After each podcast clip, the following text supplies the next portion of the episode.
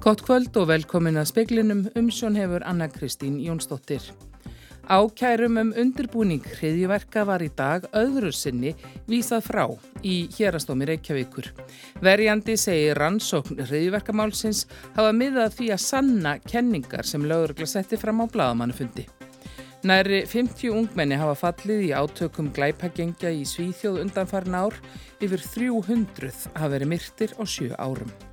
Donald Trump, fyrirverandi bandarækjaforsiti, mætti fyrir dómara í New York í dag sakaður um fjársvik. Þess er krafist að hann fá ekki að stunda viðskipti í ríkinu.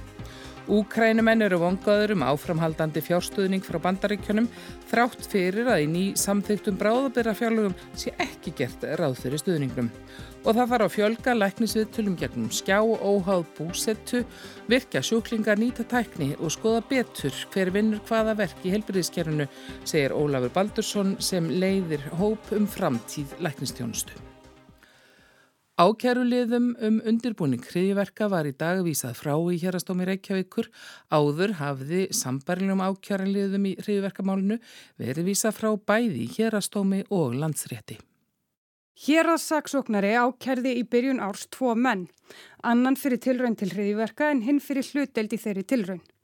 Bæði hérastómur Reykjavíkur og landsréttur vísuðu þessum ákærulegum frá þar sem dómarar töldust líka ágalla vera á kærunni að erfitt væri að halda upp í vörnum í málinu.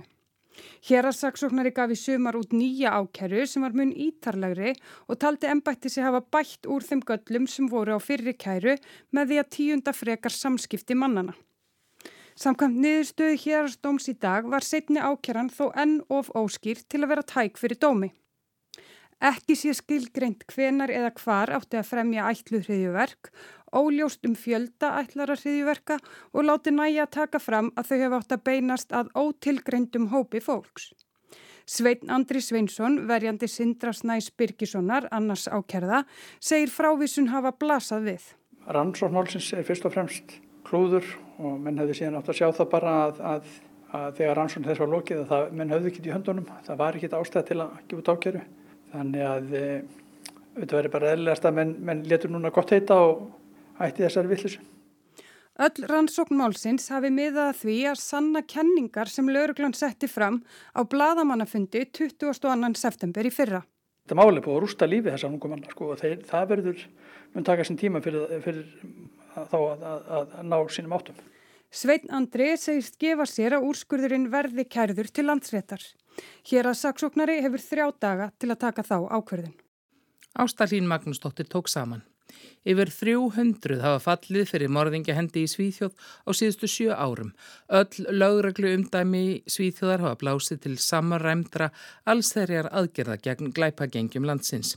Lang flestir hinna myrtu eru ungir menn sem skotnir voru til bana og voru ímist þáttakandur í skipulaðri brotastarsemi eða tengjast glæpagengjunum sem hana stunda.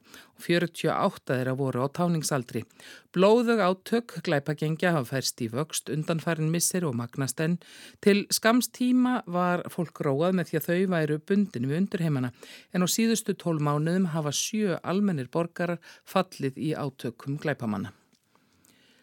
Saksóknari krefst þess að maðurinn sem ákjærður er fyrir tilrönd til að drepa þrjá í bankastræti klöppi fyrir að veri dæmdur í átta ára fangelsi. Ekki var tilgreint hversu þungrar refsingar væri krafist yfir hinum 24 sakborningum í málinu. Þetta er náttúrulega bara einstakt mál að svo mörgu leiti að það er bara rétt að leifa dómarunum aðeins að, að meta þetta sjálfstætt en það sem að sækjandi getur gert er að leggja til uh, dómafordæmi sem ég tel að megi líta til við ákveðnar refsingar.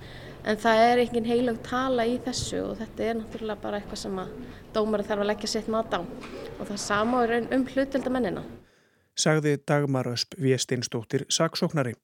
Munlegur málflutningur saksóknara á verjenda átti að hefjast klukka 9.30 í morgun en á því varð veruleg töf þar sem maðurinn sem er ákjærður fyrir tilrönd til manndráps dróð tilbaka hjáttningu sína. Hann hjátaði við aðalmeðferð málsins að hafa stungið tvo af þremur brótaþólum en hjátar nú aðeins að hafa stungið eitt þeirra. Ómar Valdimarsson, verjandi hans, segir að maðurinn muni ekkert eftir árásinni og eftir að hafa skoðað myndböndin ítarlega geti hann ekki gengist við því að hafa stungið tvo menn. Miklir anmarkar séu á rannsók málsins. Já, ég held að það sé margt sem hefði mátt betur fara í þessari rannsók. Það var til dæmis, það eru 28 stungusára á, á fatnaði brútaþóla, uh, það er ákjært fyrir 10 stungur. Eins var ekki rannsóka hvort að hérna, það veri blóði kring hverja einustu stungu á þessum fatnaði og þetta er bara eitt af fjölmörgum dæmum sem hefði mátt uh, rannsaka miklu betur en var ekki gert. Sagði Ómar Valdimarsson, Róbert Jóhansson tók saman. Samfylkingin bóðar breytingar á skattkerfun til að fjármagna tveggja kjörtífambila áallun um forgangsröðun í helbreyðis og öldrunamálum. Bóðið eru fimm þjóðar markmið sem fela í sér að fólk fái fastan heimilisleikni, átak í umönnun eldrafólks, örugt aðgengjum allt land, meiri tíma með sjúklingum og að taka ábyrð á helbreyðiskerfinu í held segi Kristrún Frostadóttir formaður samfylkingarinnar. Við áttum okkur á því þegar við fórum út og töluðum við fólki í landinu að þetta var sá málaflokkur sem að brennur hvað heitast á fólkinu. Um, það geta allir fundið sig í þessum málaflokki með einu með öðrum hætti, hvort sem að sé með ungbörn, um, eldri fóreldra, þessi sjálft að glíma við ákveðna helsubresti. Þetta er bara málaflokkur, helbriðsmálun og öldrunamálun sem að tekur uh, til sín í daglegu lífi fólks. En hvernig ætlaði fjármagna þessa forgámsöðum? Við tölum um það að yfir tvö kjörtímabil, átta ár, þá mörgum við trappa upp útgjöld til heilbreyðsmála um 1-1,5% af landsfráleinslu. Þetta þarf að fjármagna á tekjuhliðinni og þetta er samtal sem við ætlum að taka núna við fólki í vetur þegar við förum inn í atvinni og samgöngumál. Ætlið að hækka skatta? Við munum þurfa að fara í breytingar á skattkerfinu. Það þarf að draga til dæmis úr muninum á skattlagningu þegar kemur að launatekjum og fjármæstekjum. En ég hef sagt það við það að samtrekkingin okkar og velfrækkerfi er fjármagnaði þjóðin í heilsinni. Saði Kristrún Frostadóttir við Jóhannu Vigdísi Hjaldadóttur. Donald Trump, fyrirverandi fórseti bandarækjana, mætti fyrir dómara í New York í dag í fjársveikamáli sem hefði verið gegn honum og sónum hans. Réttarhöldin gætu tekið alltaf þrjá mánuði. Verði Trump fundin segur gæti verið að hann fói ekki að stunda viðskipti í New York framar. Auk þess er krafist sektargriðslu upp á 250 miljónir bandarækjadala sem samsvarar um 35 miljardum íslenskra króna. Trump er sagaður um skjálafals, tryggingasvindl og samsæri með því að íkja verðmæti fastegnafélagsins Trump Organization, tryggja sér þannig hagstæðir í lán og tryggingar. Fórsetin fyrirverandi saði réttarhöldin hluta af stærra samsæri til að koma höggi á fórsetaframbúð hans. Talaði hann um nortnaviðar. Dómarinn Artur Ngoron hefur þegar úrskurðað að réttarhöldin spretti ekki aft pólitískum kvötum. Stemningin í dómsalunum var ramagnuð eftir að fyrstu loku lauk á sjötta tímanum að íslenskum tíma en þar kom til snarpra orðaskipta millir dómarans og verjanda Trumps. Dómsald hefsta nýju þegar klukkan er korter gengin í sjö. Í síðustu viku voru Trump-feðgarnir fundin sekir um að hafa árum saman afhengt fjármálafyrirtækjum falsaðar upplýsingar þar sem verðmæti Trump Organization var ofmetið um alltaf 2,2 miljardar dollara. Áallega er að það hafi skilaðum 100 miljóna dala sparnaði og gróða. Sami dómari dæmir í málunu í dag. Ari Pál Karlsson saði frá. Íngilef Jónsdóttir, ónæmisfræðingur og deildastjóri á íslenskri erðagreiningu, segir að þróun mRNA bólefna hafi valdið strömmkvörfum og hún eigi eftir að leiða til frekari uppgötfan á næstu árum. Vísindamenn frá Ungverilandi og Bandaríkunum fá Nobelsvellunin í læknisfræði ár fyrir þróun á mRNA-tækni sem nýttist við gerð bólefna gerð COVID. Það sem er sérstaklega við mRNA-bólefni, það er auðvelt að framlega mikið magn á skammun tíma, það er tiltölu ádýrt Einni ókostin hefur verið að það þurft að geima það um mikinn kulda þannig að það krefst svona góðra aðstöðu til geimslu og meðferðar en það hefur líka gríðarlega sko, möguleika á breytingum. Þannig að núna allir með spólefni sem við að gefa er þá með tvo stafna, þann upprunulega og þann ómikrónstafn sem hefur aðalega gengið á Vesturlöndum. Við meðum eftir að sjá mikið á næstu árum og áratugum sem að byggir á þessari tækni sem eru svona gríðarlega strömmkörfi rauninni sem að hún allir. Saði Ingilef Jónsdóttir.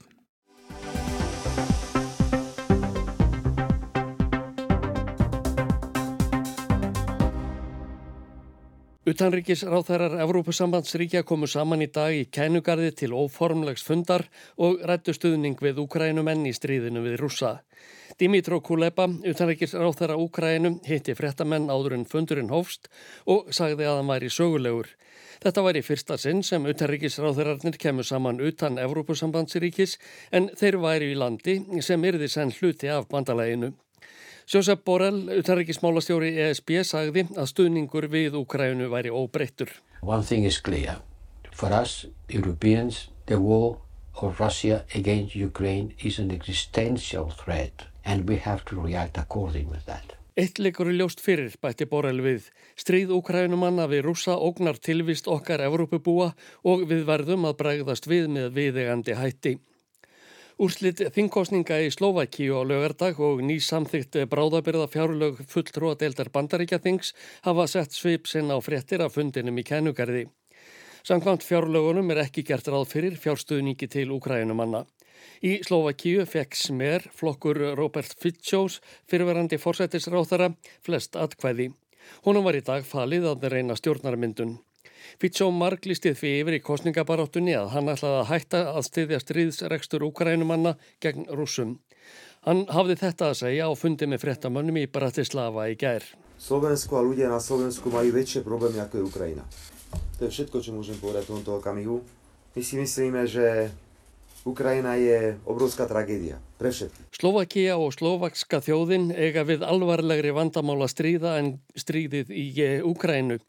Það er það eina sem ég get sagt á þessari stundu.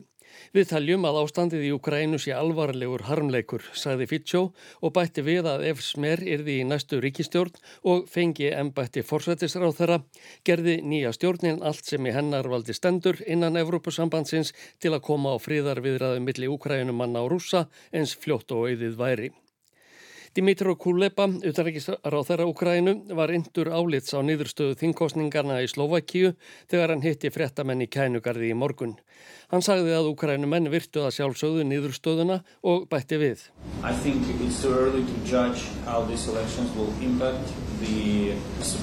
Ukraine. We have to wait until the coalition is formed. Ég tel að ofsnemt sé að segja til um hvaða áhrif kostningarnar hafa á stuðning við Ukrænumenn.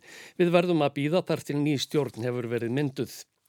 Kulepa sagði að ukrænsk stjórnvöld hefði verið í góðu sambandi við republikana og demokrata á bandaríkja þingi. Unnið væri að því með báðum þingdeldum að tryggja áframhaldandi fjárstuðning. Ukrænumenn teldu því ekki að málinu væri lokið. The United States understand that what is at stake in Ukraine is much bigger than just Ukraine. It's about the stability and uh, predictability of the world. Bandaríkjaman skilja að það sem í húfi er í Ukrænu er miklu meira en Ukræna einn. Það snýst um stöðuleika og það sem búast má við í heiminum, saði Kuleba.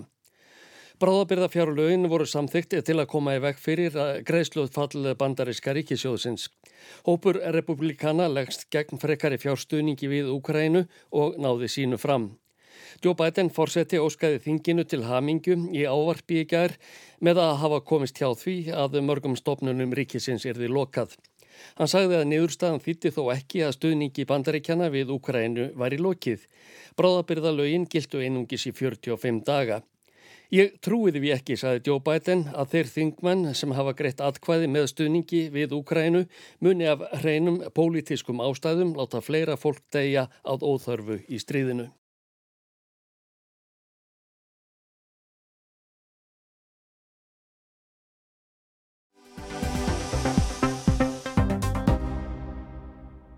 Við könnumst öll við þessa umræðu til margra ára um vinnu álægið og, og slíkt í heilbriðiskerfinu.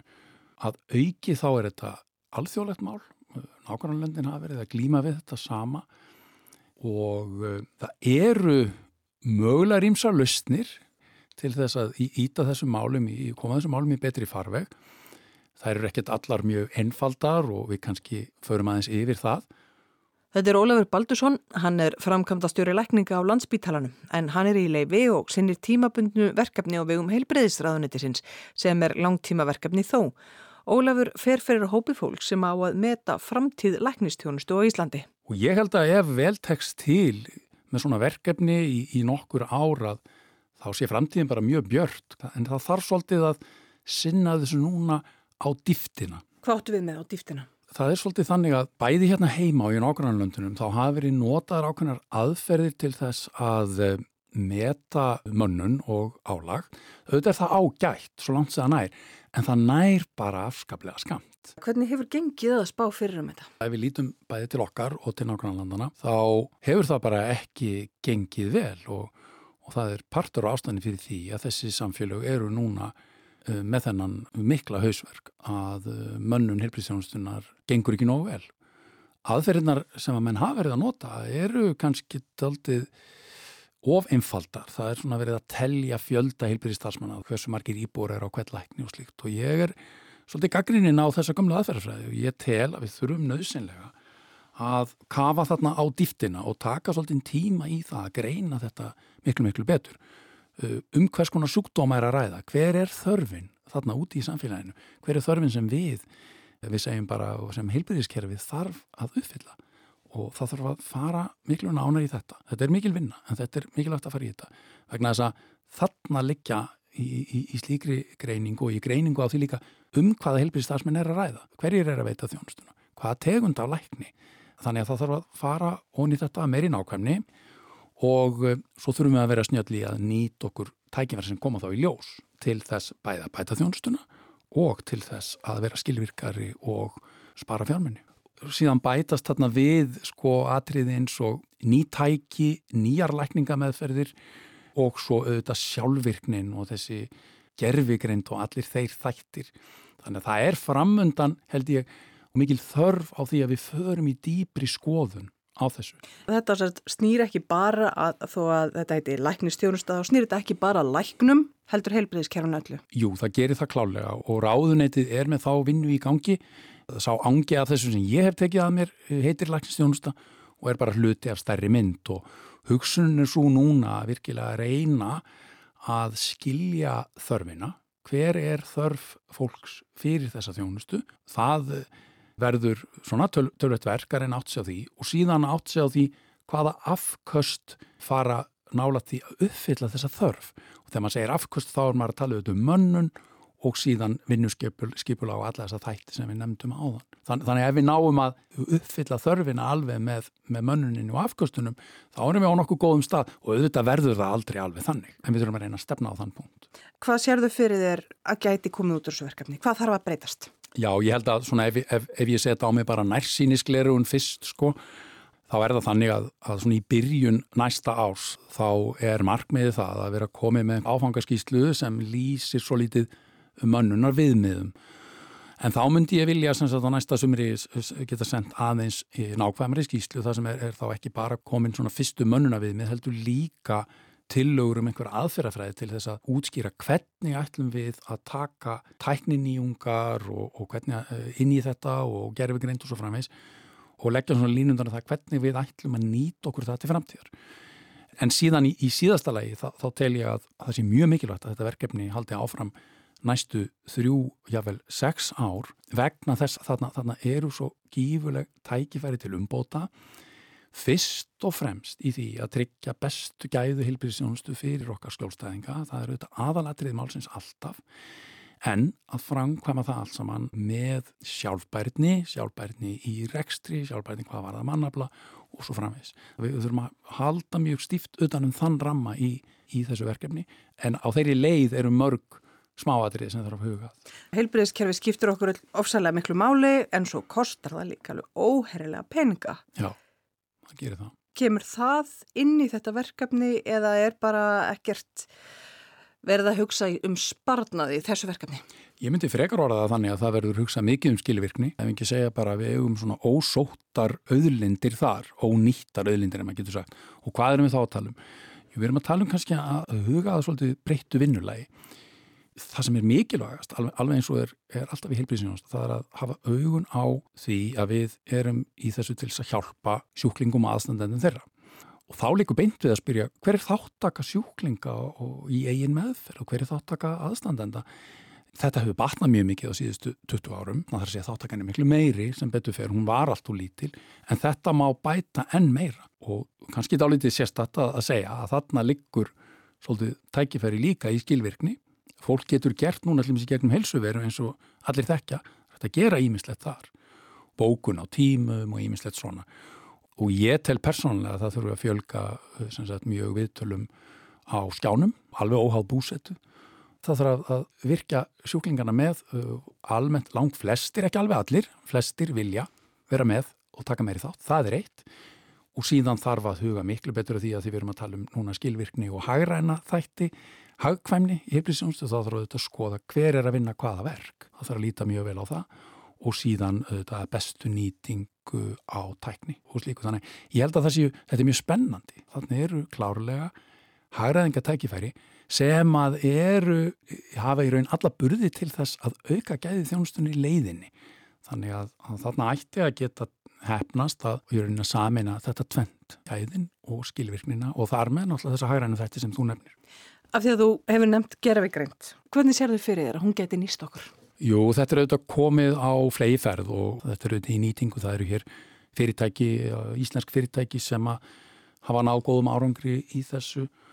Og það er nú þegar þannig að í vissum sérgreinum lækninga þá hefur gerfigreindin náð bísna góðum árangri. Og til dæmis við að lesa myndir. Þannig að þar eru ákveðin tækifæri. Við líka við að skoða myndir af húð útbrótum og slíku og greina það og fleira og fleira, það, það er alveg ótalmart það sem, það sem hins vegar er svolítið kannski blekkjandi við þessu umræðu er að þá sjá allir fyrir sér já þá þurfum við ekki lækna sem sjáum þetta svona, það er ekki alveg svona einfalt vegna þess að þú þart alltaf að tólka þessa niðurstöðum með floknari hætti og svo þarf að setjast niður með fólki og útskýra hvað þetta er allt saman. Það er ekki alveg reyn og klár tenging milli gerfigreindar og hagræðingar að mínu mati ekki á þessu stíi en kannski sterkari tengst þar við gæðin aftur á móti. Gerfigreindin hjálpi okkur að missa ekki af hlutum. Það er kannski enn mikilvægra. Hún geti farið í gegnum og skannað eitthvað sem kannski manneskjan hefði aldrei tíma til þess að fara á skanna.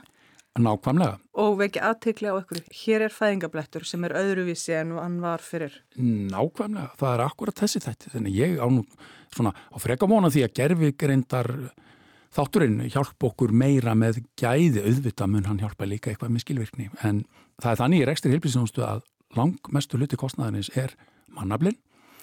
Að meðaltali við svona gróft getum sagt 75% þannig að það muna mest um sem sagt hvernig við skiplegjum vinnuna. Og, og það er mikilvægt líka upp á vinnu um hverju það gera. Áhugi yngra hilbíðstarflóks á að vera á vöktum og slíkt er ekki sérstaklega mikil ekki miða við það sem var hinn í gamla daga, sko, þá var svona mikil stemning á vöktum og svona það er, jújú, jú, það er það auðvitað einhver leit í dag en, en þetta hefur breyst mjög mikið sem betur fer. Saði Ólafur Baldursson, Ragnhildur Torlasíus rætti við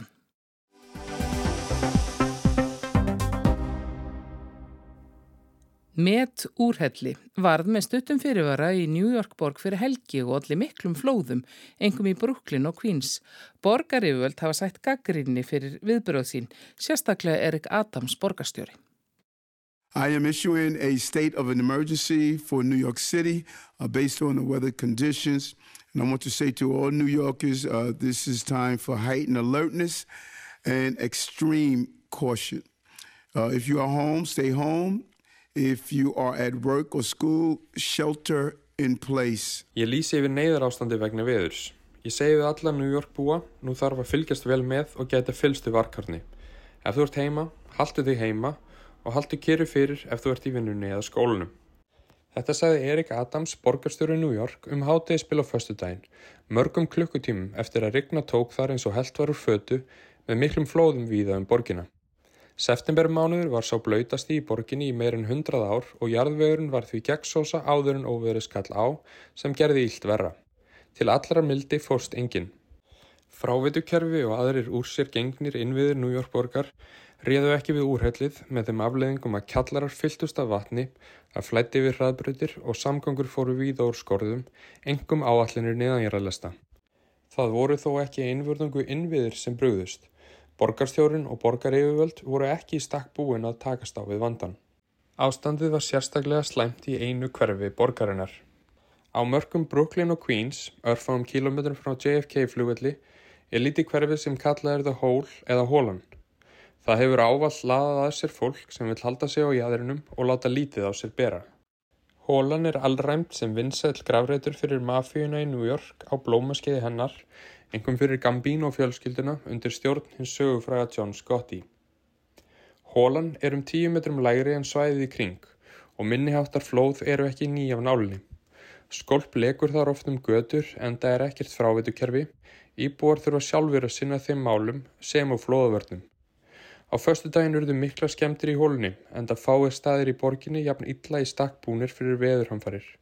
Fæstir íbúar hafa ráð á dýrum framkvæmdum til að verja sig og hýpili sín. Borgin hefur ekkert gert til að bæta aðstæður þar lengi þrátt fyrir síendur tekin lofvörð í marga áratíu um að koma upp fráveitukerfi og aðrar umbætur. Borgar hefur völd viðast þá að glimt hólunni. Í ríkustu borg heims, í ríkasta landi heims, býr fólk við þessar óbáðlegu og skammarlegu aðstæður. Hólan eru auðvitað ekki dæmigert hverfi en afskiptaleysi borgaryfirvalda hvað hana varðar gefur ekki góða von þegar við blasir að mörgönnur hverfi munu standa frammi fyrir sambærleiri hættu og stæðar nú á hólunni vegna hækkandi yfirbor sjávar og annara fylgifiska loftlasbreytinga. Borgaryfirvaldi í New York eru ekki bara að bregðast íbúum hólunar, heldur borgarbúum öllum. Það kom bersinlega í ljós á föstu daginn að innviði borgarinnar eru hrjúni komnir. Yfirvöld verða að gera betur, óviður verða sífælt verri og tíðari.